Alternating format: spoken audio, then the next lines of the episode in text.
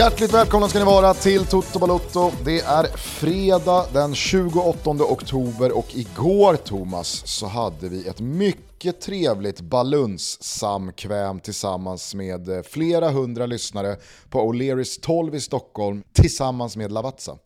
Ja men det var mycket trevligt och stort tack till alla som kom och eh, men stort tack till dig Gusten som skötte allting med den äran. Eh, vi hade lite kul, vi hade quiz där du lottade ut mig till eh, de olika borden. Av erfarenhet kanske från tidigare så svarade ju folk nej. De ville inte ha mig. Nej, exakt. De ville inte ha min hjälp. Ändå klev man in och löste de italienska frågorna som en kung. Jag gick förbi ett eh, par som jag hade morsat på tidigt på kvällen eh, och frågade dem efteråt hur det gick på quizet och då sa de att du var förbi och hjälpte till med en fråga. Det var en Premier League-fråga där du hade stått på dig om att alternativ B var rätt. det var ju fel. Ja. Alltså, men, men, samtidigt sen, när frågan är så här, hur många SM-guld har Elfsborg? 4, 5, 6 eller 7? Alltså, vad i, alltså, det är ju du som har skapat det här quizet, men lite feedback till dig. Kom igen gubben. Nej, alltså frågan var väl vilken klubb ligger femma i den allsvenska maratontabellen? Ah, okej, okay. ännu värre alltså. Ännu värre, du gör ju bara situationen värre för dig. Det är väl en jättebra fråga? Helt ointressant ju. Men vadå? Det, det, det, det, är väl jättemånga som har ett hum om att, liksom, eller inte ens hum, som vet att Malmö, Blåvitt och AIK utgör topp tre. Det hör väl till någon typ av liksom så common knowledge när det kommer till allsvensk eh, liksom, historia-trivia. Och sen så blir det ju då liksom så här, det man då ska diskutera, ja men okej, är det Peking som är fyra eller är det, är det Djurgården eller Örgryte? Gick inte de jävligt starkt för 60 år sedan? Alltså, ja. För övrigt, eh, med eh, liksom maratontabeller så är det ju viktigt liksom hur man gör när en klubb byter namn, byter eh, ja, styrelse och, och sådär, eller hur? Inte du det? Styrelse? Äh, men, by, by, när, när, man byter allt, det blir en ny klubb. Alltså ta Rosengård som exempel, som eh, har då en historia av att vara MFF Dam, eh, som sen blev LDB eh, efter sponsorn, eh, och som sedan blev då Rosengård. Så i den allsvenska maratontabellen så har ju de då poäng från allt det här. Men nu kommer ju MFF Dam, alltså, eller MFF heter de ju bara, och går upp i seriesystemen och är på väg upp i allsvenskan. Ska då Rosengård ha deras eh, liksom poäng i maratontabellen. Känns inte det lite konstigt? Alltså, det känns väl både lite konstigt men också som ett undantag som bekräftar någon regel kring att det där är ju inte ett speciellt vanligt förekommande problem. I synnerhet inte i liksom den, den anrika eh, herrallsvenskan eller i den liksom så större, eh, vidare fotbollsvärlden på herrsidan som varit igång i 100 plus år. Där, där, där, finns det inte några sådana här... Eh, ja, det finns säkert några case liksom. Ja, det, vet, det vet det fan alltså. Men, Doria, eh, Doria och eh, Sampier Darenese, ja. som blev Sampdoria. Vad, vilka, vilka, vilka maratontabellpoäng har de samlat in? Det är kanske är där vi ska gå liksom, göra det grävet, jag har svaret där. ja, jag kan, jag kan faktiskt inte svara på den frågan, men du kan ju, du kan ju göra det grävet till eh, nästa vecka då. Eh, sen så tycker jag att du inte behöver kritisera min quizfråga och projicera då det, liksom din, din, din okunskap i, på mig då med din frustration av att det ska vara en dålig fråga. Jag står för den frågan. Eh, det blev i alla fall eh, eh, vinnare i eh, quizet, tredje, andra och första pris. Eh, vi skickar yes. Eh, en herre till Italien. Jeppe. Jeppe skickar vi till Italien för att titta på Juventus. Han får ta med sig en kompis. De var väldigt lyckliga och glada över det. Kändes skitroligt och sen så hade vi då en så kallad svep-audition hela kvällen. Just det. Eh, där eh, vi alltså eh, bjöd upp eh, folk som eh, frivilligt ville kliva upp på scenen och eh, ge sig i kast då med historiska tuttosvep. Vi hade skrivit ut 6-7 stycken olika. Och så fick man dra sig ett svep, man fick micken i handen och så fick man helt enkelt bara liksom köra för vad tygen höll för. Eh, och sen så stannade vi dem efter några stycken och sen så använde vi publiken som mänskliga mentometerknappar. Så som eh, rap battles har avgjorts i alla år. Eh, Eh, och så var det då hela tiden en vinnare som står kvar, en herre på täppan. Och till slut då när vi var klara eh, med kvällen så stod då Arvid högst upp kvar Han gled in eh, i pausen på 21-matcherna. Eh, blåste oss av eh, bordet med sin fysiska närvaro, sin ganska så gälla röst. Men han hade en frasering och betoningar och en liksom, ja men, han, han hade någonting i sitt svepande som gjorde att jag fick men känslan av att han... hade ju talang, det var ju det. Han hade talang, men jag kände direkt att han, han, har, han, liksom, han signalerar en känsla av att han har en buttplug i. Exakt. Och det, det, det gjorde någonting. Eh, så att, eh, Arvid vann, han kommer läsa svepet på måndag. Underbart ju. Mm. Nej men det är underbart. Eh, med en buttplug då. ja, exakt. ja. Otroligt. Ja. Frågan är om du ska skriva svepet eller jag ska skriva svepet. Ja, det var, det var en stor fråga igår vilket man skulle ta. Skulle man liksom ge sig på eh, ett av mina svep eh, så, så kräver det ju lite sådär. Eller ska man då ta ett lite mer mildare eh, info, informativt svep eh, från dig. Du hade ju eh, skrivit ut eh, ett av dina mest klassiska svep där från eh, när, mm. när Norge, hade, eh, Norge hade gått på någon pump men Zlatan då hade kommit tillbaka och du, du började få lite vittring inför VM eller EM eller vilket mästerskap EM. det nu var. och du, du, du skrev om att Tor och Oden och alla andra asagudar hade fest i, i, i Valhall. Eh, och att Zlatan fucking Ibrahimovic, han, han bara trampar på allt vad Norge står för. Ja. Och sen så ja. mynnade allting ut i kanna på, kanna på. Du har ju inte satt ett svep på tre och ett halvt år. Eh, ni, ni hör ju de redigerade versionerna eh, efter att Kimpa varit inne med, med saxarna. Eh, men igår, tre bärs in, så löser du eh, det här svepet från start till mål. Det var helt otroligt, ja. det var en otrolig upplevelse. Eh, men, ja, nej, men om, jag bara, om ja. jag bara vill så sätter jag såklart det eh, på, på ett alltihopa. Eh, men om man vet att man har Kimpa som kan redigera, då, då, då blir man kräsen med sig själv också. Och, och sådär. Jag fattar. Det som då i alla fall hände det var ju att de, de som gick upp efter dig, och, och gav sig på det svepet. Bleknade ju något oerhört. Jag vet att jag sa till en kille att det här är som att liksom, du väljer att sjunga My Heart Will Go On efter att Celine Dion precis har sjungit den. Det är, det är svårt att lyfta taket då. Eh, men, jämförelse annars. Ja, men jag, den, den, tyckte jag hade någonting. Det som däremot var väldigt roligt det var att efter allting hade avslutats och eh, jag, jag stod utanför O'Learys 12 och vi bara snackade ner allting i 5-6 minuter innan alla drog åt olika håll och åkte hem. Eh, då, då kom det fram en norsk tjej till mig. Ja. Och då hade hon fått tag i det här svepet. och läste då upp det här stycket där du ger dig på Norge. Och hon var, ja. hon var inte nöjd med... Ja, men, men, samtidigt kan man ju tycka så här att hon skulle kunna varit lite så här finurligt glad också eh, när hon läste det stycket i och med hur allting har blivit sen den dagen jag skrev det där svepet. Alltså lite skadeglad. Ja, så här pratade ni i Sverige för det var ju lite jargongen också då, liksom. skadeglädje mot Norge och som jag sa, liksom, lite så här. Det var det jag försökte, det var det jag försökte förklara för henne, men eh, nej hon tyckte att det här var över alla gränser i ett liksom, alltså, nationalistiskt hat gentemot Norge. Ja. Jo, ja, okej, okay. men då har hon inte hört mig prata inför ett mästerskap om spanjorerna och polackerna. Nej, Nej, så är det väl. Det eh, vad, vad, tar du annars med dig från eh, kvällen som, som var? Eh, nej men eh, Luka Jovic hittar in och gör två mål. Mm, alltså det. är det ett tecken på liksom att han är på väg tillbaka här nu? Alltså, han, är, han har varit otroligt utskälld. Uh, utskälld? Alltså han har varit hånad egentligen sedan hans tid i Real Madrid och så har han kommit till Fiorentina och så har han liksom inte levererat och sett, sett otroligt blek ut liksom. Men nu har det blivit några mål på slutet. Uh, så frågan är om inte Luka Jovic ska hitta in i någon slags målform. Det är klart man tar med sig, men, det, men uh, annars Djurgården såklart, mm. eller hur? Ja, alltså om någon hade sagt till mig i 42 minuten att eh, du, får, du, får, eh, du får tusen gånger pengarna på att Djurgården vänder det här. Jag hade inte ens, jag hade inte ens satt 100 kronor på det. Nej. Alltså de var så överkörda och så utspelade och Molde visade ju verkligen att så här, vi, vi går inte på en mina till mot eh, svenskarna här. Eh, utan nu ska vi verkligen visa att vi fick med oss alldeles för få poäng från Stockholm och Tele2.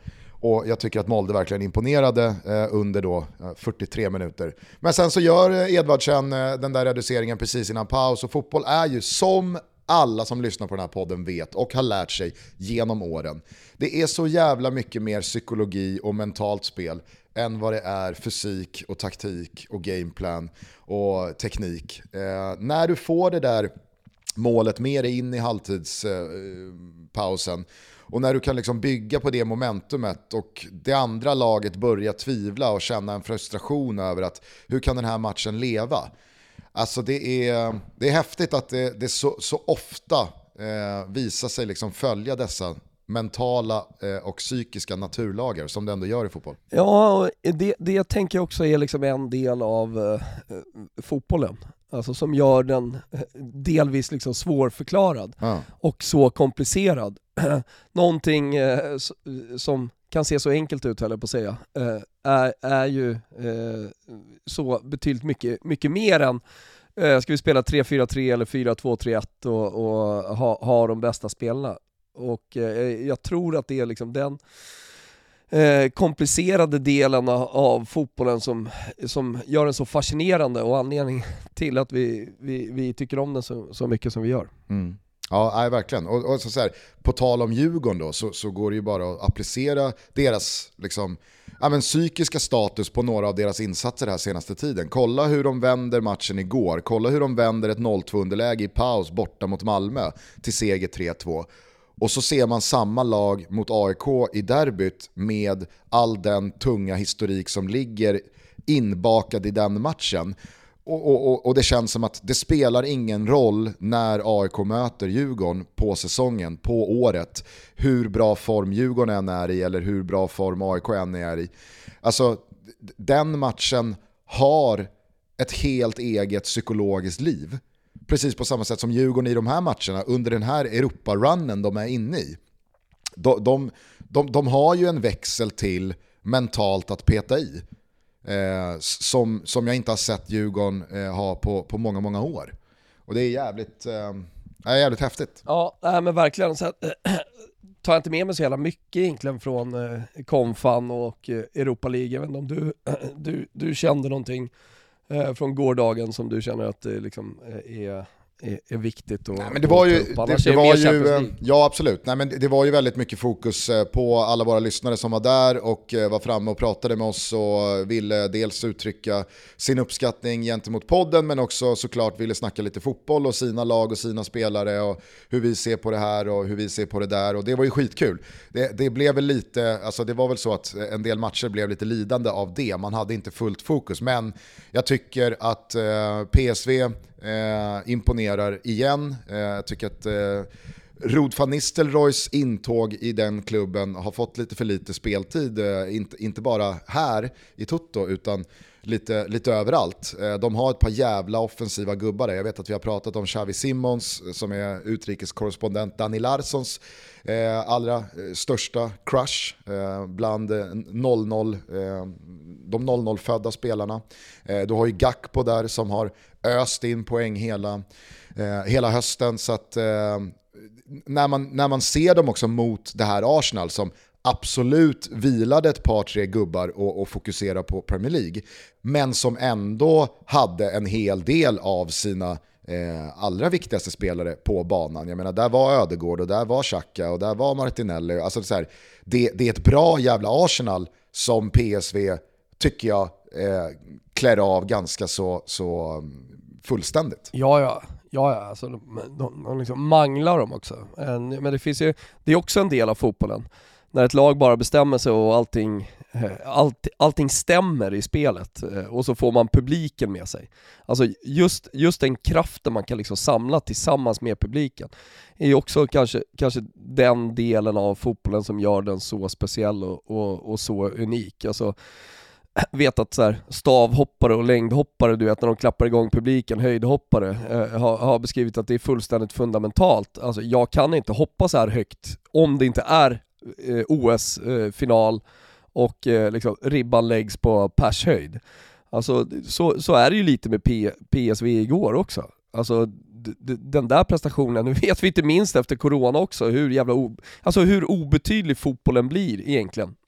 Eh, när, när det inte är publik på läktarna. Och det där gör ju då, liksom, man brukar ju säga att eh, en, en hel stad vann, och att det var en hel stad som kraftsamlade eh, och, eh, och gjorde prestation, eller stod för prestationen. Och så, så, var det ju verkligen igår mot Arsenal. Och de då, och sin tur, kanske dyker upp som ja ah, men okej vi ska åka och spela den här matchen, vi är proffs. Eh, så här. Inte ställa in skorna kanske, men är, är långt ifrån den kraftsamlingen som PSV står för. Och då, då, då kan alla lag vinna. Mm. Ja, verkligen.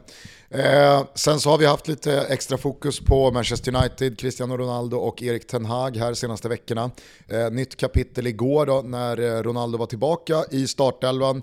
Eh, slet ju som ett jävla djur av eh, det jag såg eh, av den här matchen och, och verkligen ville visa liksom att han dels eh, har förstått att det inte blev bra senast, han har liksom tagit reprimanderna som kom hans väg, han har visat att han köper in sig på det som nu gäller, men såklart så har jag han ett VM att gå för här om, om eh, tre och en halv vecka. Så det är väl klart att det ligger i hans egna individuella intressen också att, att, eh, att vara i bra slag när det väl är dags för, för VM-premiär.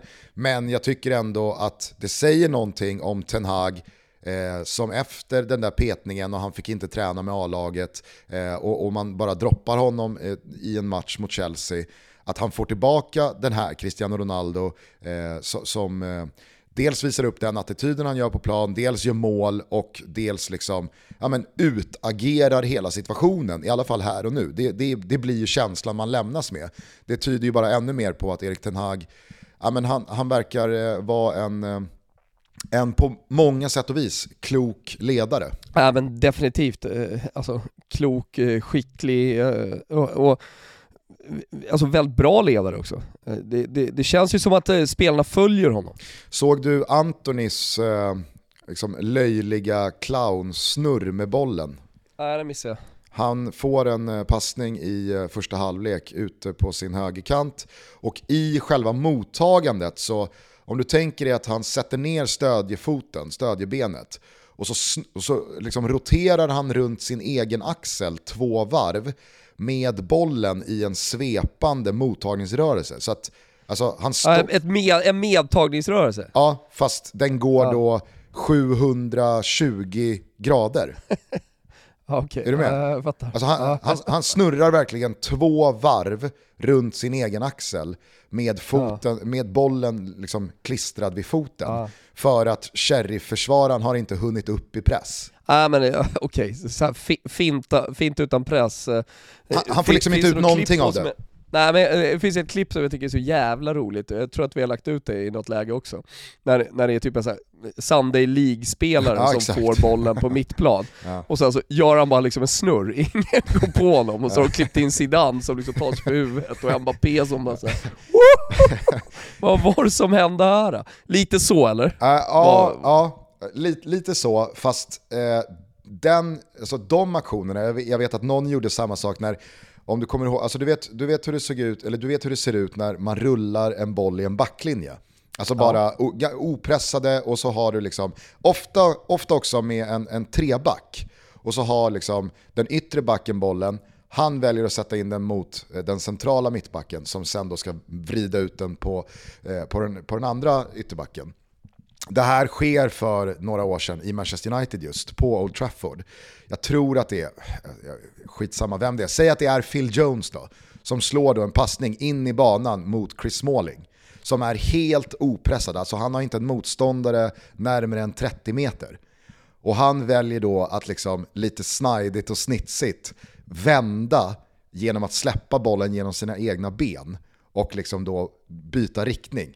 Alltså så att han liksom, han låter, han tar aldrig emot passningen utan han låter den bara nej, gå mellan sina egna ben och lite så här flashigt vänder. Exakt. Och sen så slår han då passningen vidare. Han är helt opressad, det är helt ofarligt, men han bjuder liksom på lite så här, kolla vad jag kan-skill. Och då, då kommer jag också... Alltså, rutten skill. och då kommer jag också ihåg att någon klippte på just den där Zidane när han skakar på händerna sådär, aj, aj, aj, Men skulle aj, det funka, och sen så har, du som såg den, ja, men, skulle det nej, funka jag, jag ska, att klippa på igår? Ja, men jag ska komma till det, för att jag vill minnas också att de klippte på, kommer du ihåg när, när Messi tunnlar James Milner både in och ut på Ah, ja, Camp Nou. ja. Klassiska scener. Och Pep Guardiola sitter på läktaren. Och han, bara, han begraver ansiktet i händerna för att han tycker så synd om James Milner. Att liksom Messi förnedrar honom inte bara en gång utan två gånger. Jag tror att de klippte på även den Eh, reaktionen på Chris Smallings vändning där. Men det jag skulle komma då till, där finns ju lagret av att det här är lite liksom, som du är inne på i de här Sunday League-klippen. Så, så, så det, det, finns ju en, en, en hånfull ton i att så här, det här är så dålig skill att vi gör en video av det. Det Anthony gör här är ju mycket, mycket, alltså så här, det är ju skickligt på ett sätt. Men det blir ju mer åt hållet att så här, vad håller han på med? Han får dels inte ut någonting av det, men det blir ju också lite så här håna sheriffspelarna helt i onödan. Ja men, he, ja, ja, ja, men jag tycker ändå att den, det, det verkar som att den har karaktären av att ändå klippa in Jo eh, absolut, men, men det hade, men det hade fått olika effekter för att liksom Smålings vändning är ju dråplig. Jag köper. Eh, det som i alla fall händer och varför jag, skulle, varför jag lyfter det här, det är att Ten Hag plockar honom i paus. För att han inte uppskattade det här. Och det, Alltså, är- jag har, har han bekräftat det eller? jag tänker att, jag tänker att det, det måste varit så. Vadå? Han gör det där och så plockar han honom i paus? Ja. Alltså han gör det i slutet av första halvlek. Det blir liksom så här, ah, eh, du vet, man, man, Låt... man får känslan av att det här, det här kommer inte falla i god jord hos Ten Hag. Eh, Paul Scholes satt i någon halvtids Alltså om man har gjort det så, så, så uppskattar jag ändå Eller hur? Det var det jag skulle, det var det jag skulle landa i. Det var det jag skulle landa i. Eh, ja, men summa summarum, en jävla fin torsdagskväll med konferensen, med Europa League, men framförallt med alla er lyssnare som tog er till O'Learys 12 eh, för samkväm tillsammans med oss. Det var jävligt, jävligt trevligt. Toto Balutto är sponsrade av Samsung TV. Vi säger varmt välkomna tillbaka till er. Ni som har varit med de senaste åren har ju kunnat följa via Toto Balutto deras otroliga utveckling på sina TV-apparater de senaste året. Och eh, nu har de ju en TV-portfolio som kan erbjuda en TV för precis alla rum. Och eh, där kan jag verkligen gå i god för alla rum för att jag har Samsung här i studion, eh, jag har det ute på kontoret och eh, hemma. Så jag är lite av en expert eh, och när man pratar om expertis så handlar det ju om att veta vilka modeller som möter vilka behov, personer och för all del också intressen. De har ju allt från toppkvaliteten, QLED-teknologin som ger fantastiska färger, kontraster och ljusstyrka som passar perfekt i miljöer med mycket naturligt ljus, som i en öppen planlösning, till exempel i mitt vardagsrum. Där jag kan då få ut maximalt av att kolla på en fotbollsmatch. De har också tv-apparater som rent estetiskt passar väldigt bra, som The Frame, som ser ut som en tavla, men som också erbjuder toppkvalitet vad det gäller bild. Hur som helst, i år så har de kommit med en liten nyhet. Inte så liten, det är en stor nyhet för mig, men själva produkten är liten och eh, det är väl halva grejen. Jag eh, var i somras på fotbollscup eh, med mina tjejer och jag gillar att ta ut små klipp och sen visa tjejerna. Men det blir ju lite problematiskt när du ska liksom koppla upp datorn och du ska krångla. Då vill man ju ha en projektor som är dels lätt att ta med, men som också ger riktigt, riktigt bra kvalitet. Jag pratar full HD. Och som man kan streama upp eh, på en vit vägg eller i ett konferensrum och så vidare. Den här projektorn som heter The Freestyle har verkligen gjort mitt liv mycket, mycket enklare. Jag använder den som en 3D-skärm ute på kontoret när det pågår många fotbollsmatcher. Jag tar med den som sagt eh, på fotbollskupper med tjejerna och jag tar också med den ut på landet. Där, om vi säger så här, tv-möjligheterna inte är fantastiska. Men ni vet ju själva, om man åker ut i landet en regnig dag så vill man ju bara liksom gosa ner sig och kolla på TV. Och då är den här lilla portabla nöjesmaskinen alldeles perfekt. Jag kan visa en bild på upp till 100 tum. Och det är så enkelt för att det är bara en strömkabel att koppla i och sen så ett nätverk som man kopplar upp och sen så kan du logga in i precis alla dina TV-appar som du vill använda.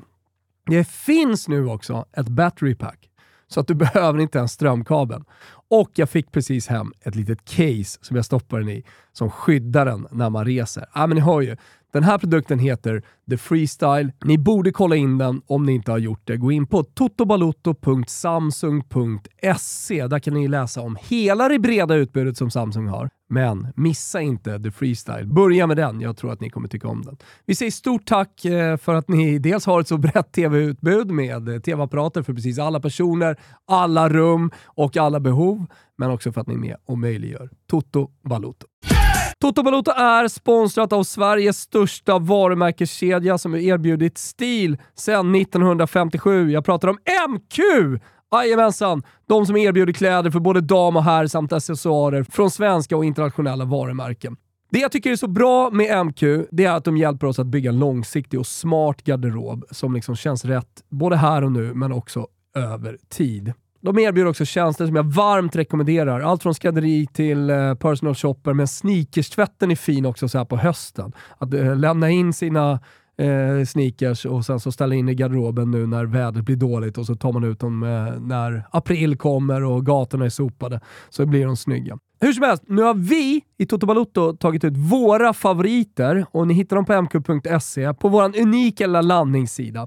Utvalt av Toto alltså, där hittar ni långsiktigt snygga kläder. Alltså vi pratar kläder som funkar både i vardagen när man tar en promenad eh, på söndagen eh, med sin käresta, sina vänner och ändå vill se lite snygg ut. Man piper in på någon trevlig liten bistro och dricker något gott och käkar något gott. Eh, då vill man ju se snygg ut, men man vill fortfarande vara lite vardagsklädd. Samma kläder då som funkar om man bara slänger på sig en skjorta och en kavaj så blir det helt plötsligt dressat snyggt till festen. Ni är med va? Ja, för det antar jag. Det är tidlösa plagg som funkar här och nu, men också för framtiden. Vi pratar om hörnstenarna i garderoben som är du öppnar, du vet att du alltid kommer kunna använda de kläderna. Koden TOTO20 ger dig 20% på alla plagg som är utvalt av Toto och det gäller endast online. Det gäller mellan den 20 och den 27 oktober så det gäller att passa på här och nu. Det är bara att gå in och inspireras av kläderna som jag har på mig på bilderna. Jag är helt övertygad om att ni kommer hitta någonting till just dig. Vi säger stort tack till MQ som är med och möjliggör Toto Balutto. Tjena, tjena, tjena! Vad tänker ni på när jag tänker på höst? Ah, jag tänker på K-Rauta och jag tänker på bastu. Finns det något härligare nu när det blir kyligare ute att hoppa in i en hederlig sauna? Just nu har K-Rauta 20% på hela Harvias sortiment. Och man hittar allt man behöver för en bastu. Både vedeldade och elektriska aggregat. Men även bastupanel, bastulav och alla möjliga olika bastutillbehör. Så man går in på kodauta.se kategori badrum och bastu så tar man del av alla erbjudanden samlat där. Det blir väldigt enkelt. va?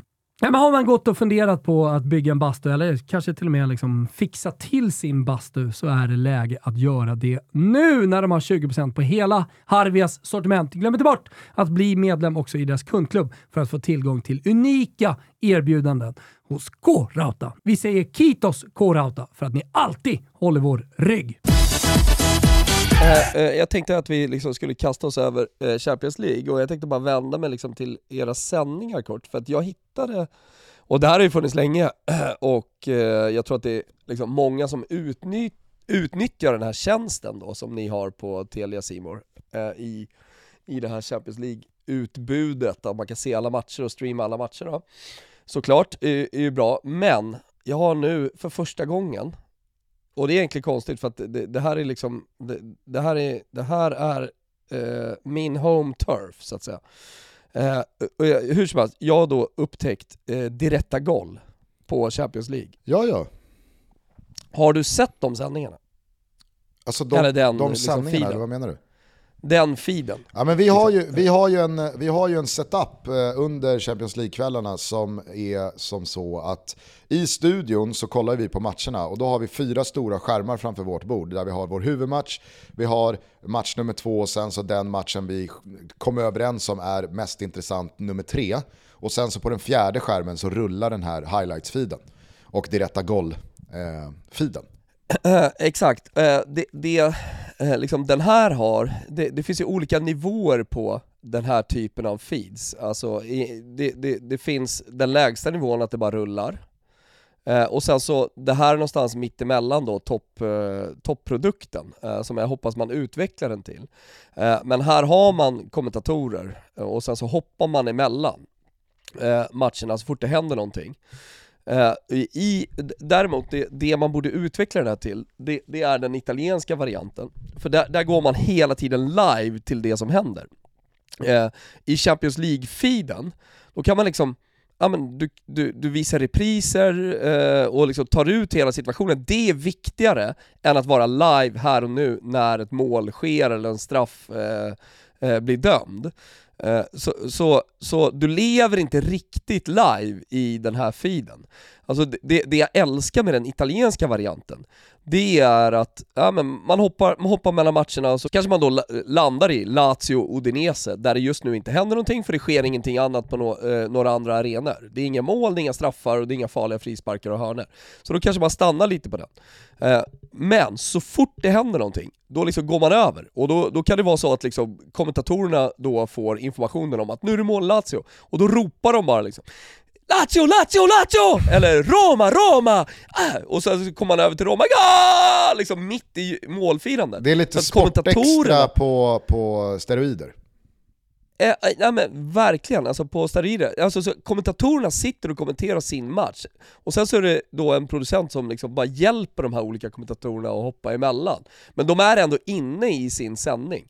Eh, så, så det, det hopp hoppas jag att den här highlights-feeden liksom utvecklas till vad det lider. För det, det är ju klass att kunna liksom se allting som händer och det är jävligt skönt att ha på en padda, samtidigt som man då kanske följer sin match eller huvudmatch. Att ha det liksom som second screen, för då, då missar man ingenting. Nej. Nej men eh, än så länge så kan man i alla fall då hänga med i highlights-feeden och se eh, ja. alla mål och alltså höjdpunkter från, från övriga matcher och sådär.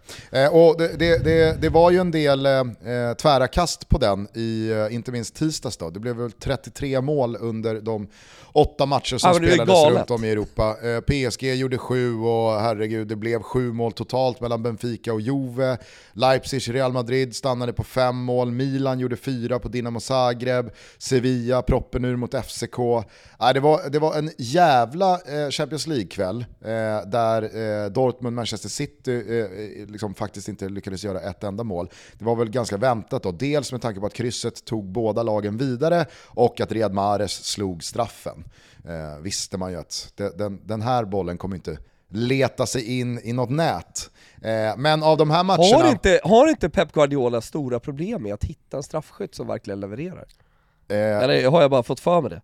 Alltså, han har ju haft det historiskt, jag satt och tänkte på det här faktiskt under tisdagen, att Manchester City och så Malmö FF för, vad är det, var det två, tre år sedan? När de brände, var det, det, det var väl helt sjukt, alltså så här, sex, sju upp mot åtta straffar i följd brände väl Malmö sommaren 2019.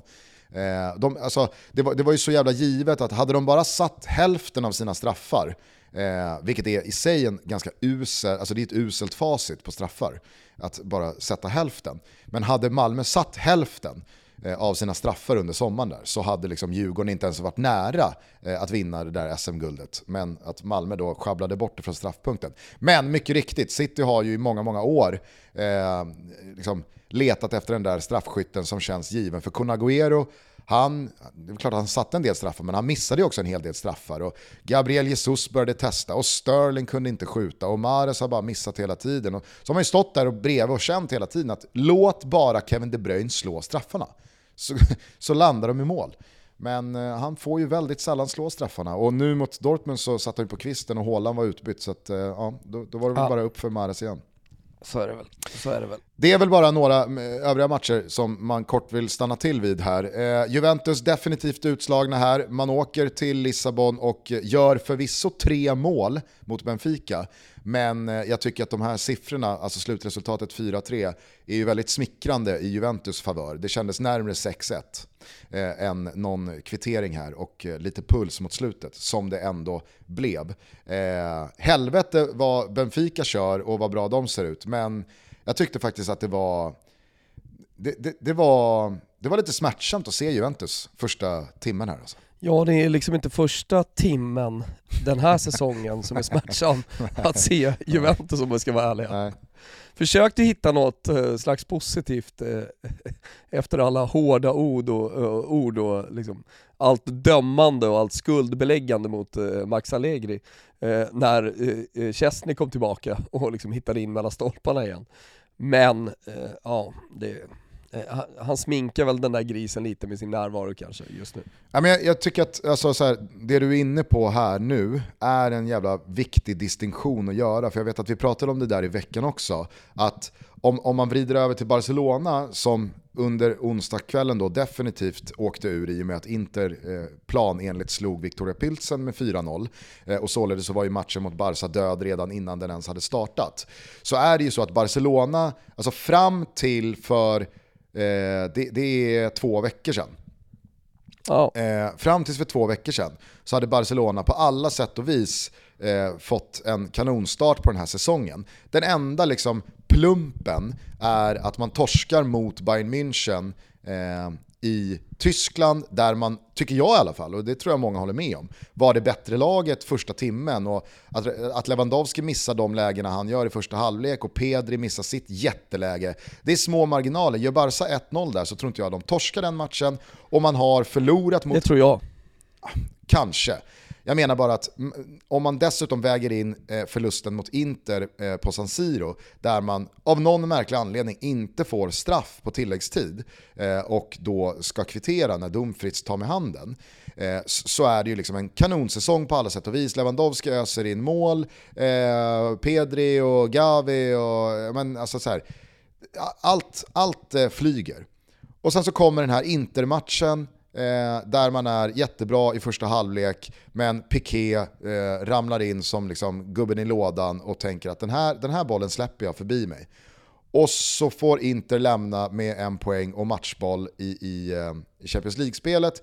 Fyra dagar senare så vinner Real Madrid rättvist, men det är ingen överkörning, det är ingen mangling, utan de vinner El Clasico. Och helt plötsligt så har då Barcelonas säsong tagit en annan riktning, men ser vi till liksom ser vi till helheten så handlar det snarare om små marginaler i ett par perioder av väldigt få matcher som definierar deras säsong hittills. Ja. Det är ju tvärtom när det kommer till Juventus. Alltså, det, det, det, finns, det är verkligen skillnad på att åka ur som ett stort lag i gruppspelsfasen av Champions League och sladda i ligan gentemot ett lag som har, alltså Barcelona har förlorat en match i La Liga. Och i det här Champions League-gruppspelet så har det varit, det är väl klart att de har kunnat gjort det bättre, absolut. Men det är små marginaler. Och det är så, det är sån jävla distinktion tycker jag mellan hur Juventus lämnar den här turneringen och hur Barcelona gör det. För Juventus, det, det, är någonting helt alltså med, annat. Det är ju med vilken eftersmak man Exakt. lämnar, det är det. Exakt. Du är inne på det här när du säger att ja, det handlade inte om en timme borta mot Benfica. Alltså det har ju varit, det har ju varit skit rakt igenom ser här nu, jag kunde inte riktigt släppa Erik Ten Hag här, ser att han har uttalat sig och säger att det absolut inte hade med det att göra. Nej, jag har inget problem med det så länge det har ett syfte, men jag kräver mer av honom i spelet. Där bekräftar han ju att han byter ut honom på grund av det. Om det bara är ett trick, eh, för trickets skull, ja. Eh, kommer jag att korrigera honom, säger han efter matchen. Ja. Sa han allt det där på tyska? Känner jag då. Eh, men jag ser också finten. Alltså, det är ju definitivt läge för något geni att klippa in Zidane här. Herregud. Ja det är en otrolig aktion alltså. Ja det, det är det sannerligen. Helt utan syfte, så slår han bort passningen efter ser jag också här. Exakt, passningen rinner ju ja. till inspark. Exakt. ja, ja, nåväl. Toto Balotto är sponsrade av Frilans Finans och jag tänker att det är många som lyssnar på det här som eh, någon gång under karriären, under livet har eh, drivit eh, ett eget bolag. Och jag tänker så här, det är många som vill vara fria. Nu kommer hösten och allting sånt där. Man kanske vill börja om på ny kula.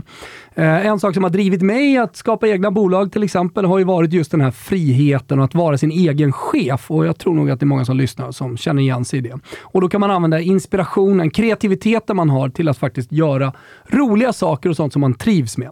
Och där kommer Frilansfinans in i bilden. De gör det möjligt att fakturera utan att ha ett eget företag. De gör det möjligt att fokusera på det man faktiskt är bra på. Jobbet tycker jag i alla fall ska vara roligt och Frilansfinans är ett bra sätt för dig att komma igång med någonting nytt, men också ett grymt sätt för dig som redan är konsult att spara värdefull tid. Jag har suttit väldigt mycket på kvällar, jag har suttit väldigt mycket på morgnar, alltså när man inte jobbar med så att säga, sitt uppdrag, eller det man faktiskt fakturerar för. Då sitter man där på kvällen och så är det så jobbigt och så är det kvittohögen och så är det det ena och så är det det fjärde. Egenanställning, det är liksom den nya typen av anställning och det funkar för i stort sett alla. Journalist, PT, webbprogrammerare, det spelar liksom ingen roll. Så sitter man där ute och tycker att hela den här företagsbiten och driva och sådär är lite jobbig, man vill ha det mycket enklare, ja men då ska man gå in på frilansfinans.se och såklart också ladda ner deras app. Den heter Frilansfinans. Vi säger stort tack till eh, Finlands Frilansfinans för att ni hjälper till och att ni gör livet för oss kreativa och som vill vara vår egen chef mycket, mycket enklare. Stort tack Frilans Finans, för att ni möjliggör Toto Balotto. Toto Baluto är sponsrade av Sensodyne och det är vi otroligt glada för. Och då kan man undra varför? Jo, men det säger väl sig självt. Gör det inte det? Sensodyne är ju nummer ett bland tandkrämer som rekommenderas av tandläkare, alltså de riktiga experterna mot ilningar i tänderna. Och det är många som lyssnar på det här som vet precis vad jag pratar om. Sensodyne är ju dock inte bara tandkräm. Därför vill vi med detta också slå ett slag för Sensodyns tandborstar. Däribland nya Repair and Protect tandborstarna som nu finns tillgängliga tillsammans med, lyssna noga, tillsammans med Repair and Protect tandkrämen så skapar de en oerhört dynamisk duo. Och vi gillar ju dynamiska duos här i Toto. Ett tandem va, som går att likna vid de bästa anfallsparen i fotbollshistorien. Bebeto Romario, York och Cole, Kneten och Martin Dahlin. Äh, men de är som ler och långhalm. Repair and Protect. Det här är verkligen både tandborsten och tandkrämen för dig som vill förbättra din munhälsa och ge dina tänder och din munhygien det allra bästa. För det är så att vi inte bara borstar tänderna för att de ska vara lite fina, de måste ju också må bra också. Tandhälsan är ruskigt viktig. Så gör nu som tandläkarna själva rekommenderar, kör Sensodyne och när du väl har hittat dit så är det bara att tänka på två små ord. Repair och Protect. Då blir det inte fel. Tandborste och tandkräm, Repair and Protect. Vi säger stort tack till Sensodyne för att ni är med och möjliggör Toto Balotto. Toto Balotto sponsras av Sambla och de har ju varit med oss ett litet tag nu så jag tänker att jag kan vara lite mer personlig med Sambla. Kort först bara för er som har missat det så är Sambla alltså en låneförmedlare som inte bara jämför upp till 40 olika långivare helt kostnadsfritt utan som även kan hjälpa dig att sänka dina lånekostnader genom att samla de olika lånen och göra dem till ett. Och Det kan man ju säga liksom är grunden. Varför göra det undrar du? Jag kan ta ett personligt exempel. Då. Som jag sa, när jag var runt 30, det var ett tag sedan, så hade jag kreditkort som jag liksom aldrig kom ikapp med. Kanske någon som känner igen sig med det. Jag hade flera så små lån och jag var på en dålig plats rent privatekonomiskt. Ja, det var piss. Och Jag kände hela tiden att jag fick kriga. Det var en ständig batalj med räntor som var höga och det gör, tror jag många stämmer in på också, livet lite tufft. Då hade jag behövt samla. Det fanns inte då. Om Samla hade funnits då vid min sida så hade jag kunnat gå in på samla.se och ansökt tryggt och säkert och hittat den bästa lösningen för just mig. De som känner igen sig i det här, tycker att det låter som en väldigt bra tjänst, så rekommenderar jag starkt att gå in på samla.se. Vi säger stort tack för att ni är med och möjliggör Toto Balotto. Eh, Leipzig tycker jag tar en imponerande skalp mot Real Madrid. Eh, visst, ja. Valverde, Modric, Benzema out, men det är fortfarande ett Real Madrid som vill vinna sin grupp. Eh, och det har de definitivt inte gjort än, så att, eh, det fanns ju att spela för för dem också. Men jag tycker att Leipzig går ut här och eh, ger dem inte ens eh, lillfingret. Eh, sen, så, sen, så, blir det en uddamålsseger till slut. Men jag tycker Leipzig verkligen imponerar och understryker vilken effekt man har fått på, på det här tränarskiftet. Milan 4-0 i Kroatien. Wow. Ja, eh, jag, ty jag, tycker att det är mycket som är wow med Milan. Alltså så här, eller det, det, kan man ju säga, vilket jävla, vi, vi, vi, vad jag stack ut hakan där. Det är mycket som är wow med Milan, de har vunnit scudetton och liksom kommer tillbaka. Men, men jag, tycker, jag tycker att de imponerar hela tiden mer och mer. Alltså, och jag tror att det som är mest, kanske inte imponerande, men liksom grejen med Milan är att de är så stabila i prestationerna nu eh, över så lång tid. Och, och att man känner liksom att det här laget utan nyförvärv har fortfarande stor utvecklingspotential. Och så kan man dessutom liksom försöka förädla det och hitta en, två spelare. Känns lite som så gamla Milan du vet, när, när, man, när man värvar en utlänning, en Shevchenko, eh, eller två utlänningar liksom, som, som på ett sätt liksom förädlar det italienska. Uh, nu, nu, har man ju fler utlänningar i just det här laget, eh, så det går inte att jämföra till 100% men, men om vi ser dem uh, den här startelvan. Ta Brahim Diaz, äh, inte Brahim Diaz, ta Benazer. Som, uh, som jag tycker är ett jättebra exempel liksom, på att liksom, det här laget fortfarande kan utvecklas individerna kan utvecklas i det här laget och bli bättre och bättre. Så jag tycker, jag, jag tycker verkligen att Benazer blir, blir verkligen bättre och bättre och har vuxit ut till en av de bästa mittfältarna i Serie A. Och, få, och levererar liksom i de stora matcherna också. Men fan vad han inte kommer igång, De Kettelar. Ja, jag vet. jag vet. Det vills inte. Det, nej, det vills inte. Och nu och, ser man ju i hans ögon att det har, det har ju satt sig i, ja, ja. i huvudet på honom själv också. Det är klart det har gjort det, men jag menar så här, det är en sak att det liksom inte funkar i ett lag som går dåligt. Eh, låt säga att De Ketteler hade gått till Juventus och så gör han de här prestationerna i ett underpresterande Juventus. Det hade varit mycket värre.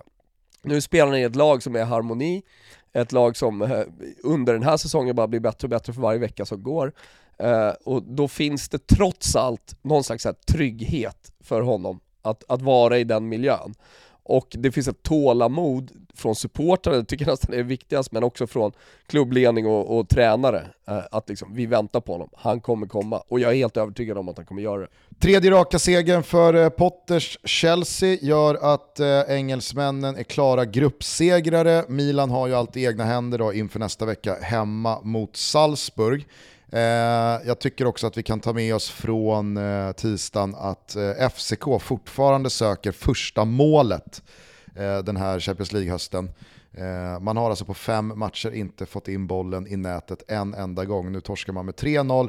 Har förvisso skrapat ihop två pinnar i parken så att man står inte på noll poäng. Men det vore ändå anmärkningsvärt ifall man lämnar den här Champions League-hösten utan att ha gjort en enda kasse. Sen vet jag inte om vi behöver säga så jävla mycket mer. Jag noterade också eh, med hjälp av min eh, fantastiska redaktör eh, Dennis att eh, streaken av raka Champions League-mål från trion Messi, Neymar och Mbappé eh, för PSG stannade vid 19. Sen gjorde Sean Goldberg självmål för Maccabi Haifa. Så att, eh, han snuvade dem på 20 raka Champions League-mål eh, inom den trion i PSG. Och, och det man tar med sig för den matchen, vet du vad det är? Eh, nej. Att Sunkani var ju sjuk. Ja, just det. Ni som hörde Tutski Balutski inför Champions League kanske kommer ihåg att vi, vi bad eh, Sundgren som skulle spela den här fantastiska gruppen mot Juventus, mot PSG och mot Benfica om en tröja. Det var Neymar.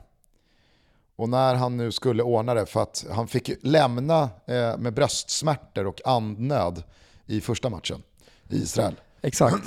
nu Exakt. skulle han då få sin revansch. Nu skulle Neymar-tröjan upp på Kungstensgatans vägg. Mm. Då drar han på sig sjukdom. Äh, äh, äh, ja, nej, nej. Det, det, blir man ju förbannad. Jag hörde att hela familjen var på plats också. Många som tyckte att det var surt. Eh, förmodligen värst för honom själv. Men eh, är, det inte, att vi är det inte så jävla Albin eh, Ekdal alltså, att han, när han väl plockar ner polare och familj och sätter dem på läktaren, då går, då går han och gör hattrick på San Siro. Det, det är liksom, ja, det hur han än vrider och vänder på sina beslut och sitt liv så blir det liksom alltid rätt för Albin. Ja, ja det, det studsar rätt liksom. Det, det är medgång även i motgång, så att säga. Albins största, har han alltså en motgång i livet? Det är så här, alltså hans största motgång var en gång när han inte hade fast avföring när han satte sig på buggen. Det, det, är hans, det, det, är hans största, största motgång i livet. Det och valet av Hamburg. Exakt, exakt. Och vann ju liksom högsta lotten i genlotteriet och, och så vidare och så vidare. Helt otroligt. Men du, eh, jag tänkte på en sak. Eh, eh, vi pratade ju om Häcken Visst gjorde vi det sist? Eh, och att de inte hade satt sig ner för att kolla på Djurgårdsmatchen, för de visste ju att Djurgården skulle vinna över Sundsvall. Ja, precis. Eh, hörde de Barca? Eh, nej. Eh, de hade, Intermatchen spelades ju innan dem. Ja, precis. Och eh, jag menar, alltså, allting hängde ju på att Inter inte skulle vinna va? Eller till och med ta poäng.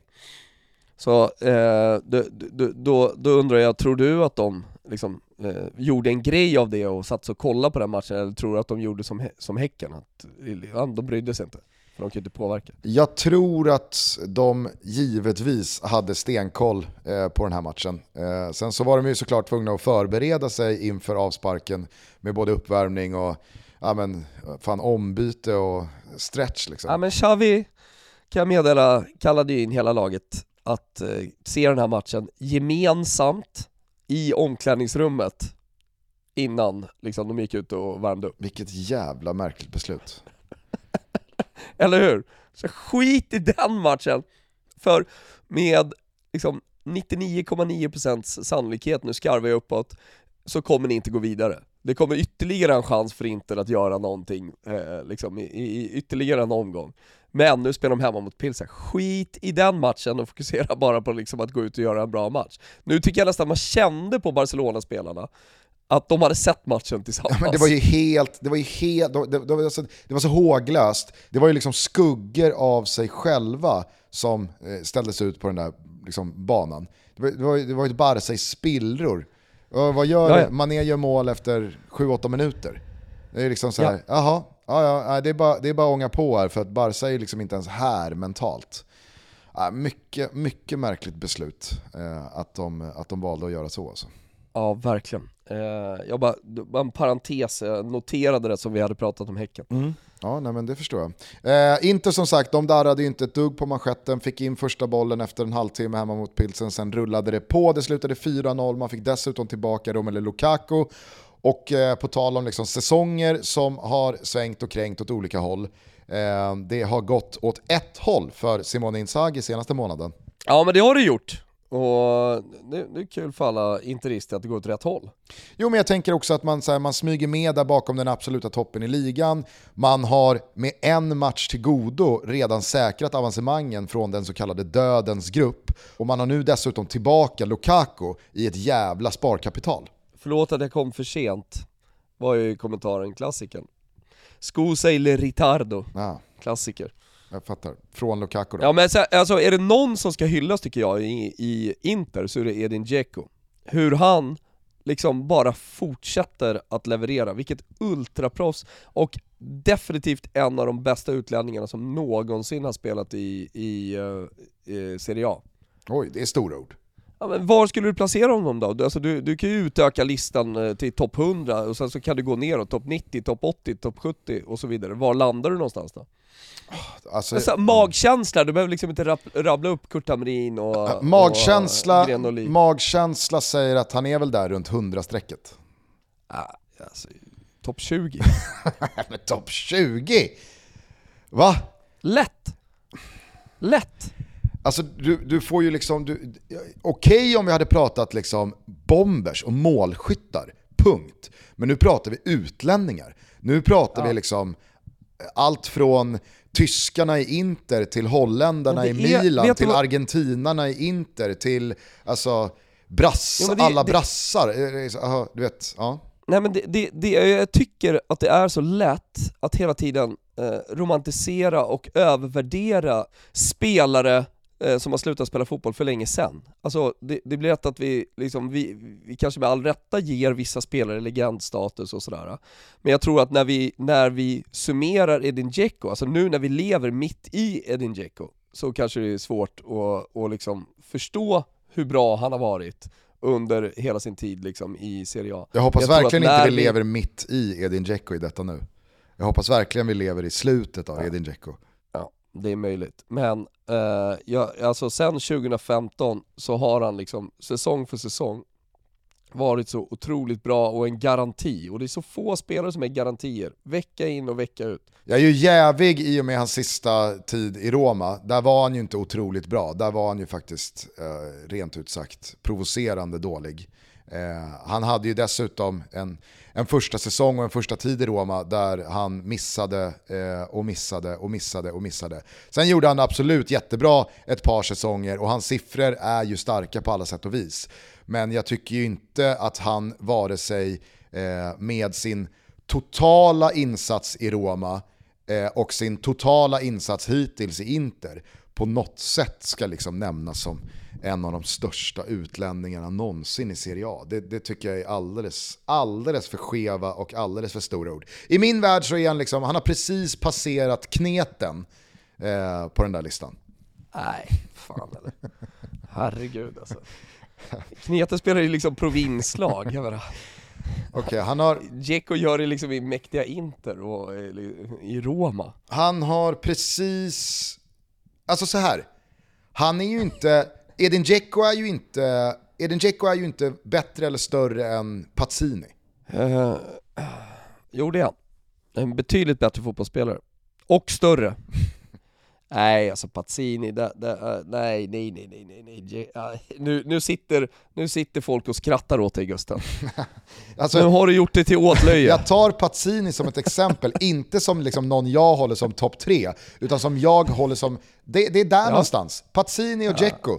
De, de, de, är, de är i samma, liksom, de är samma del av någon eh, pratar om en, Vi pratar om en decent anfallare som hade liksom en decent karriär jämfört med en mästare. Jo fast alltså, du, du, måste, du får inte väga in Dzekos alla mål och det han gjorde i Manchester City, det han gjorde i Tyskland, det han har gjort med Bosnien. Det hör inte till Serie A. Ja, men topp 20, jo, alltså så här, liksom nej. stora spelare, nej nej nej absolut. Eh, men eh, okej, okay, alltså i, i Serie A så är han liksom topp 20 en av de största utlänningarna liksom som har spelat i, i, i ligan, i historien. Otroligt. Otroligt också att vi hamnade där efter de här Champions League-kvällarna. Eh, men ja, vi får väl se vad våra lyssnare säger. Eh, ni får gärna höra av er med er åsikt kring Edin Dzekos plats vad gäller utlänningar i Serie A-historien.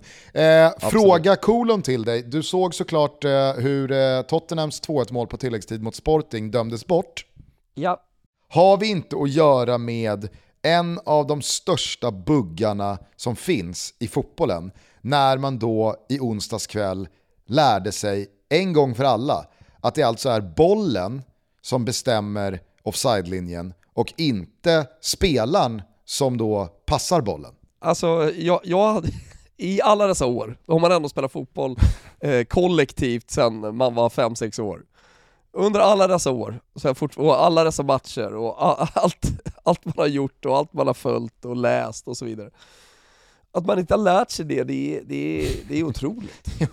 det är så sjukt att se de där bilderna och se hur ja. Emerson är med mer än halva sin kropp är han liksom framför Harry Kane i spelriktningen.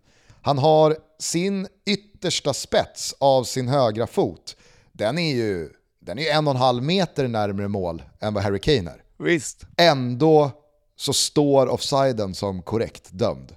Och man känner, jag, jag har vet, levt, vet, jag har levt en lögn. Med för känsla? Vet vad man lämnas med för känsla?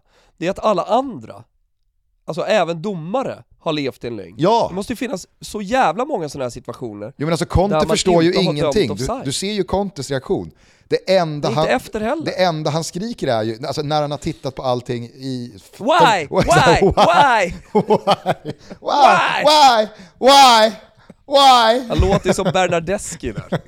Hey, come on TFC, come on, come on! Nej men alltså, du vet, Kane förstår ingenting, Emerson förstår ingenting, ingen förstår någonting. Sportingspelarna Nej, förstår inte heller förutom någonting. Domaren. förutom domaren som, har, som uppenbarligen, jag lovar, den här domaren har liksom gått och irriterat sig på detta. För han har sett det hända så många gånger och att domarna liksom inte beivrar det. Jag, jag, jag, vet inte, jag tycker också att McKelly, alltså domaren... Han har gått och väntat på det här tillfället, han är, för, klappa alla på näsan och titta ja. det är så här det funkar. När det kommer till offside så kallar man ju aldrig ut domaren till skärmen. För att liksom så här, han, han kan ju inte avgöra om, om en offside är offside eller inte på ett bättre sätt än, än varummet. Så att McKelly, domaren, han står ju bara där på inneplan och litar på det som sägs i hans öra. Och när de då säger att ah, det är offside, alltså så här, jag, jag, jag, jag tycker mig se i McKellys leende också att så här, ja, det, det, känns, det känns inte som offside här. Men boysen i, boysen i bussen säger att det är.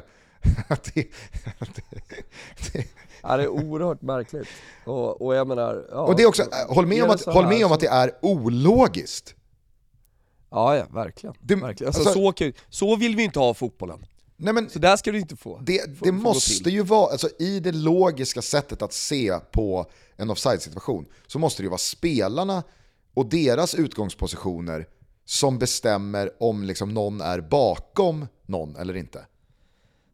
Det är så vi drar alla linjer och du vet, det, det vi har utgått ifrån hela tiden. Nej, jag, jag, jag, jag, jag förstår det inte. Nej. Och och sen så ska man komma ihåg, för, för det, det, här är ju bara en del av varför offsiden då eh, till slut döms. Eh, det, det, det, som också gäller i det här är ju att trots att Emerson alltså, nickar bollen bakåt i banan så bedömer man ju sportingspelaren vara så pass nära att han inte Alltså det blir, en, det blir som en deflection, det blir inget medvetet aktivt val att spela på bollen. För hade man bedömt sportingspelaren som kanske en meter längre bort och att avståndet då eh, gör att äh, men, han, han bedöms aktivt spela på bollen, då blir ju Kane i en ny situation och då är det framförallt en sportingspelare som, eh, som får fram bollen till honom i den positionen han sen står i. Så då hade målet stått som, som godkänt. Men Emerson är nedanför Kane, bollen spelas bakåt, Kane är ändå offside och man känner ah, Why? Why? Why? Exakt så. Why? Otroligt alltså. Man vet ju nu att Spurs, man vet, man vet ju att Spurs ryker på det här. Det är Marseille borta på velodromen nästa vecka. Ja, och då kommer ju en hel stad att kraftsamla. Exakt, exakt. Eh, och visserligen då Spurs kanske lite mer påkopplade än vad Arsenal var.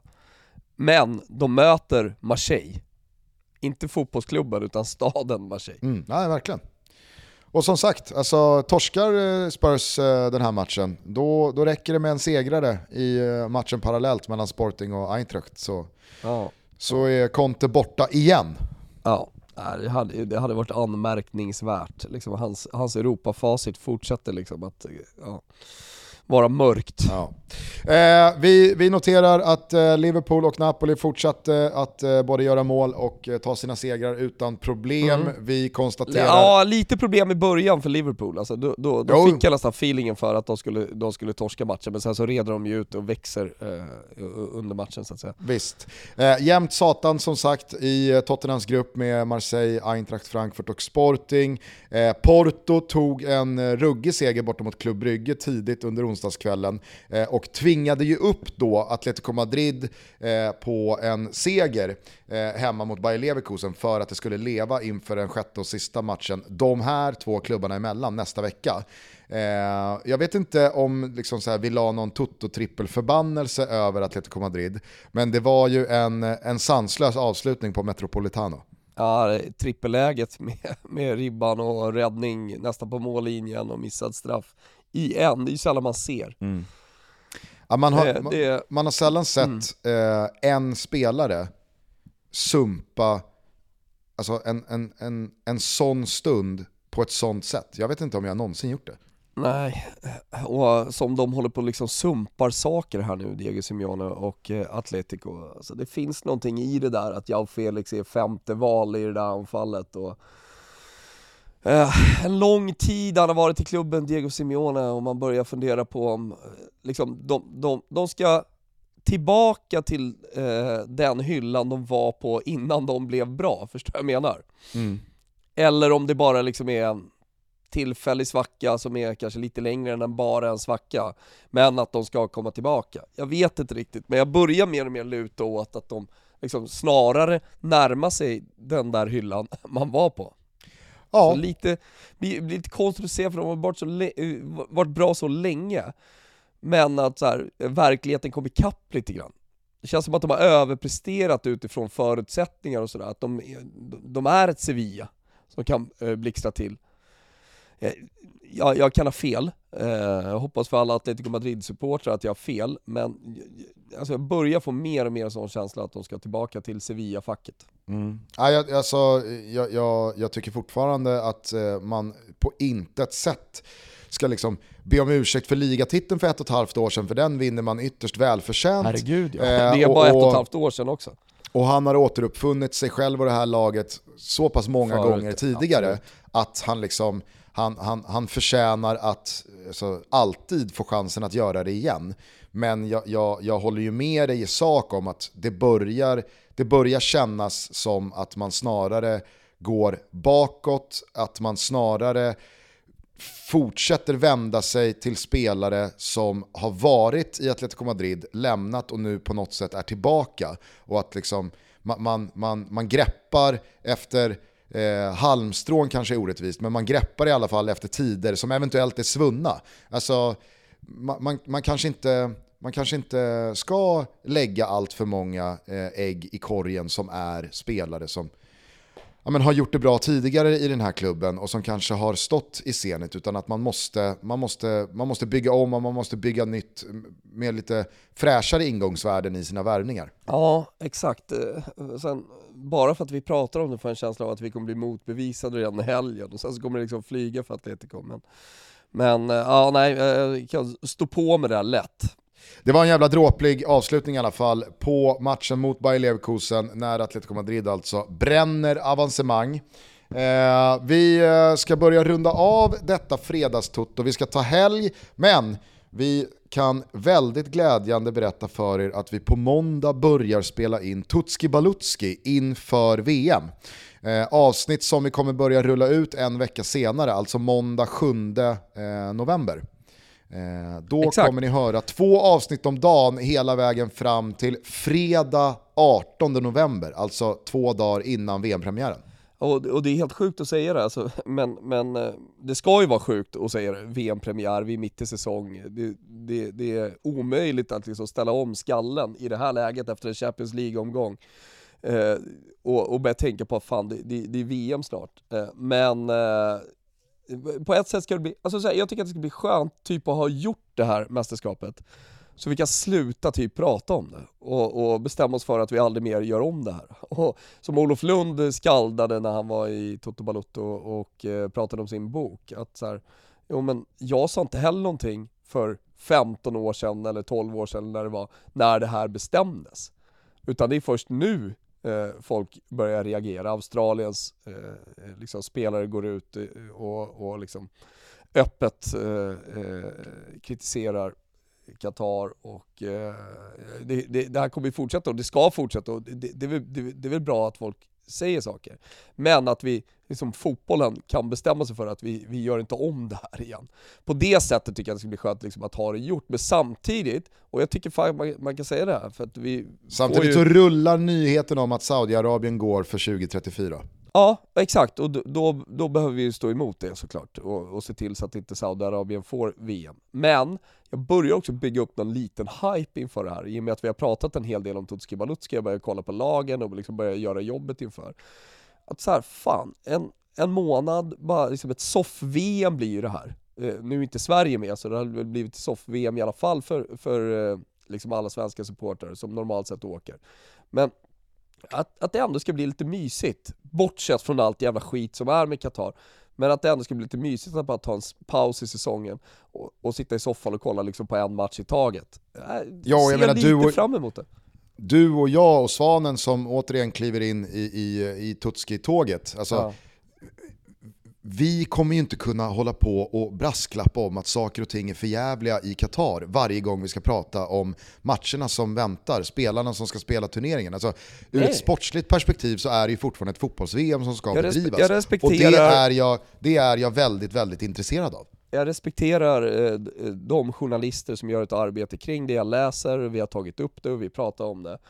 Eh, jag respekterar folk som eh, bojkottar och så vidare, men, men jag kommer kolla på det. Jag kommer se fram emot det. Det är fortfarande liksom fotboll som spelas och jag älskar fotboll och, och jag ser fram emot att göra de här Tutski Balutski avsnitten. Och i såväl Tutski som Tutto så kommer vi ju liksom, vi kommer ju fokusera på fotbollen.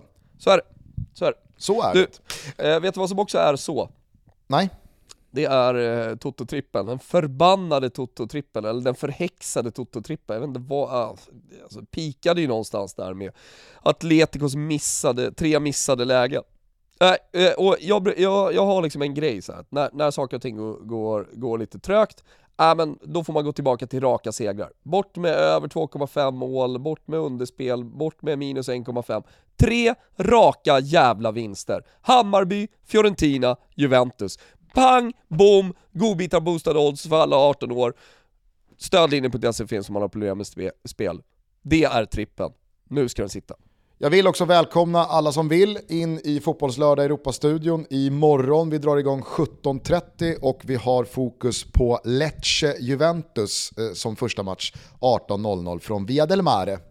Eh, vi håller på som alltid hela kvällen. Det blir Valencia-Barcelona 21.00 från Mestalla. Ah, fint, eh, Gattuso mot Xavi.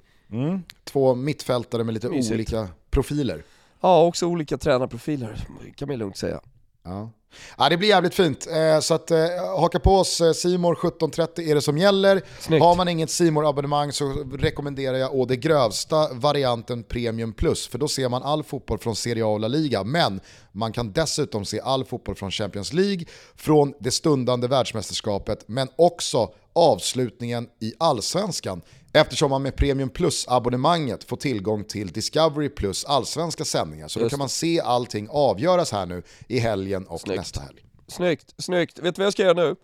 Nej, Jag ska gå och hälla upp en iskall Pepsi Max med en citronskiva i och så ska jag bara liksom njuta av den och det rekommenderar jag alla som lyssnar eh, på detta också att göra. Och det har ju varit en Champions League-omgång och Pepsi är ju stor sponsor dit. Eh, Jag skulle också eh, vilja gratulera vinnarna, nu har jag inte namnen men jag säger det bara, jag gratulerar vinnarna då eh, till matchbiljetter Köpenhamn-Dortmund. De eh, var svåra att få tag på, parken var slutsåld eh, och så vidare. Så att eh, två stycken mycket lyckliga eh, vinnare i vår Pepsi-tävling som vi hade på Instagram. Eh, stort grattis! de kanske får åka och se FCKs första mål då i den här Champions Det hade ju varit något. Det League-gruppen. hade ju varit något. Kanske gör också då Rooney Bardghji det. Eh, noterade du, eh, var du med oss i studion när vi pratade Ja. om eh, Jag hörde den, den yngste svensken hittills? Ja, du, du var och tvungen och att liksom det tänkte jag att det här kommer Thomas gilla. markera. Det här kommer Thomas gilla, tänkte jag då. Ja, men så här, när man byter ett namn, alltså bestämmer sig en studio för att liksom så här, nu byter vi det här namnet, det är så här han säger det, är så vi ska säga det. Alltså, Uppenbarligen har han aldrig hetat Rooney Bardghji. Nej, men jag tyckte det var vi- vi i allas, i, i folkmun än så länge, i och med att vi inte har pratat om honom eh, i olika studios, eller kommentatorer har tagit hans namn i munnen, eftersom han spelar i pittiga danska ligan. Eh, så, så, så har det liksom inte kommit till ett sånt läge där vi kan prata om honom riktigt. Och då, därför var det bra att du förklarade, och att du verkligen sa det, så att du inte bara liksom lät det rulla på och eh, lät sociala medier explodera, utan du sa ja, bakgrunden till detta. Ja, Det finns ett kamouflerat A där. Exakt så sa du. Det var bra gjort, Mm. det var mycket bra gjort. Ja. Härligt, har vi rätt ut det också. Jag eh, lovade två killar jag träffade igår på O'Learys 12, eh, som jag vill minnas hette Julian och William. Lite osäker på William, jag vet att en av dem hette Julian i alla fall. Eh, men eh, de, de eh, nu låter det kanske fel att jag säger att de gjorde starkt avtryck på mig, när jag inte ens kommer ihåg vad ena snubben hette. Men eh, eh, den jag tror då hette William, han, eh, han hade verkligen en hjärtefråga när han då approcherade mig och ville verkligen liksom, han ville ha, han ville ha ett tydligt svar på en tydlig fråga. Okej. Han sa att jag har varit med varenda avsnitt, inte missat en sekund Toto Balutto på sex och ett halvt år. Varför pratar ni aldrig om Wissam Ben Yedder, anfallaren i Monaco? jag, jag blev så jävla liksom paff. jag, jag visste liksom inte vad jag skulle säga. Ja, nej, jag, jag, fan, jag, vet inte. Och jag bara, var, varför, varför, jag tror att jag sa typ Alltså en här, sak är att han spelar i pittiga Monaco också. Ja, och jag sa det så här, varför, varför skulle vi prata så mycket om Wissam Ben Yedder, tänker du? Och han bara, men han är så jävla bra. Här, 32 år, spelar i Monaco, han vad- gjorde, det, ja, han gjorde det väl bra i Sevilla liksom, men så här, Han, Jag han, respekterar han brann det. verkligen för Wissam Ben Yedder. Ja, men jag respekterar det och eh, sättet jag bevisar det på, det är att jag kommer se Monacos match i helgen. Ratta in, gå typ Sportexpressen eller vad, vad går franska ligan? Det säger en del om hur mycket fransk liga jag ser. Det är, Expressens, det är Expressens flaggskepp, det är korrekt. Ja okej. Eh, jag lovar att jag ska se den matchen i helgen. Men, så får vi se om det blir någon jävla surr om Ben Yedder på måndag eller inte. Får han fan bevisa sig också. Ja. Eh, hörni, vi hörs igen eh, på måndag, då tillsammans alltså med Buttplug Arvid eh, som Underbart. ska svepa. Eh, det Underbart. blir fantastiskt kul. Ja, det Eh, ha en jävla trevlig helg eh, till dess, så säger vi så. Det gör vi. Ciao tutti. App, app, app, jag ville bara säga en sak också. En fantastisk lyssnare har alltså lyssnat igenom alla våra avsnitt sen det första och skapat, jag vet att det här har varit efterfrågat, vi brukar någon gång i veckan faktiskt liksom få frågan om att om vi har liksom skapat en playlist där alla våra Eh, alla våra eh, avslutningslåtar finns. Eh, vi började någon sån någon gång, men sen så blev det, missade vi och sen så missade vi för mycket och så blev det någonstans för stort liksom för att ta igen. Men Jamal, Ahmed Jamal, han har eh, löst detta. Den heter Toto mellanslag Balotto mellanslag Vibes.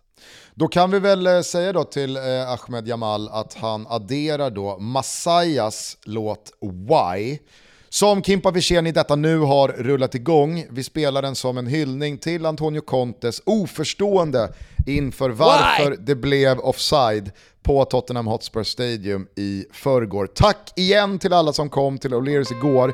Det var skitkul att träffa er. Man blir så jävla ödmjuk för att eh, även fast du och jag vet att väldigt många lyssnar och att vi eh, genom olika listor och uppmärksamhet eh, och priser vet att vi bedriver en stor podcast så är det ju så att det är först när man träffar människor som igår, alltså lyssnare, och när man liksom hör var folk kommer ifrån och vad, vad de, vad de liksom vill berätta Toto betyder för dem och hur länge de har varit med. Det är då man blir så jävla humble i att eh, det här faktiskt når ut till och påverkar en jävla massa människor. Nej men så är det verkligen. Stort tack till alla och stort tack till Lavazza också som gjorde det möjligt och som fixade in oss på O'Learys 12 igår. Grymt. Mm. Eh, vi hörs igen på måndag. gör vi. Ciao Tutti. Ciao Tutti. Used to be friends, but now we enemies. Oh, oh. You said you had suspicions that my woman was cheating on me. I never thought that you would be the one who wanna break us up. I was blind, but now I see, and I got your ass all stressed out. Yeah, you didn't know for sure my woman and me was dating anymore. So you called her up and told her that I was sleeping with your sister, and that's an old fact. Then you said, I'm not a man that you treat a woman better than any other man. I can't believe you're doing this to me. Why, why, why? Why you had to go there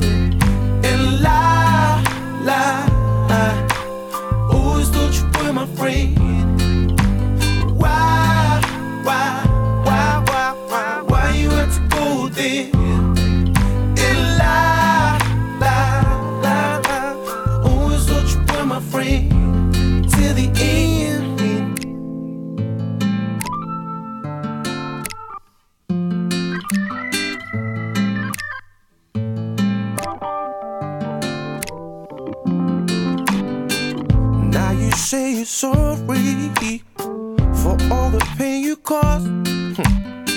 You say you never meant to hurt me, but yet a part of it is all of my fault. You thought I didn't love her, you thought I didn't care, Like I'm supposed to tell you every time I run my fingers through her head. Yeah, you didn't know for sure me was dating anymore. So you call her up and told her that I was sleeping with your sister, and that's an old fact. And then you said, I'm not a man that you treat a woman better than any other man. I can't believe nigga doing this to me.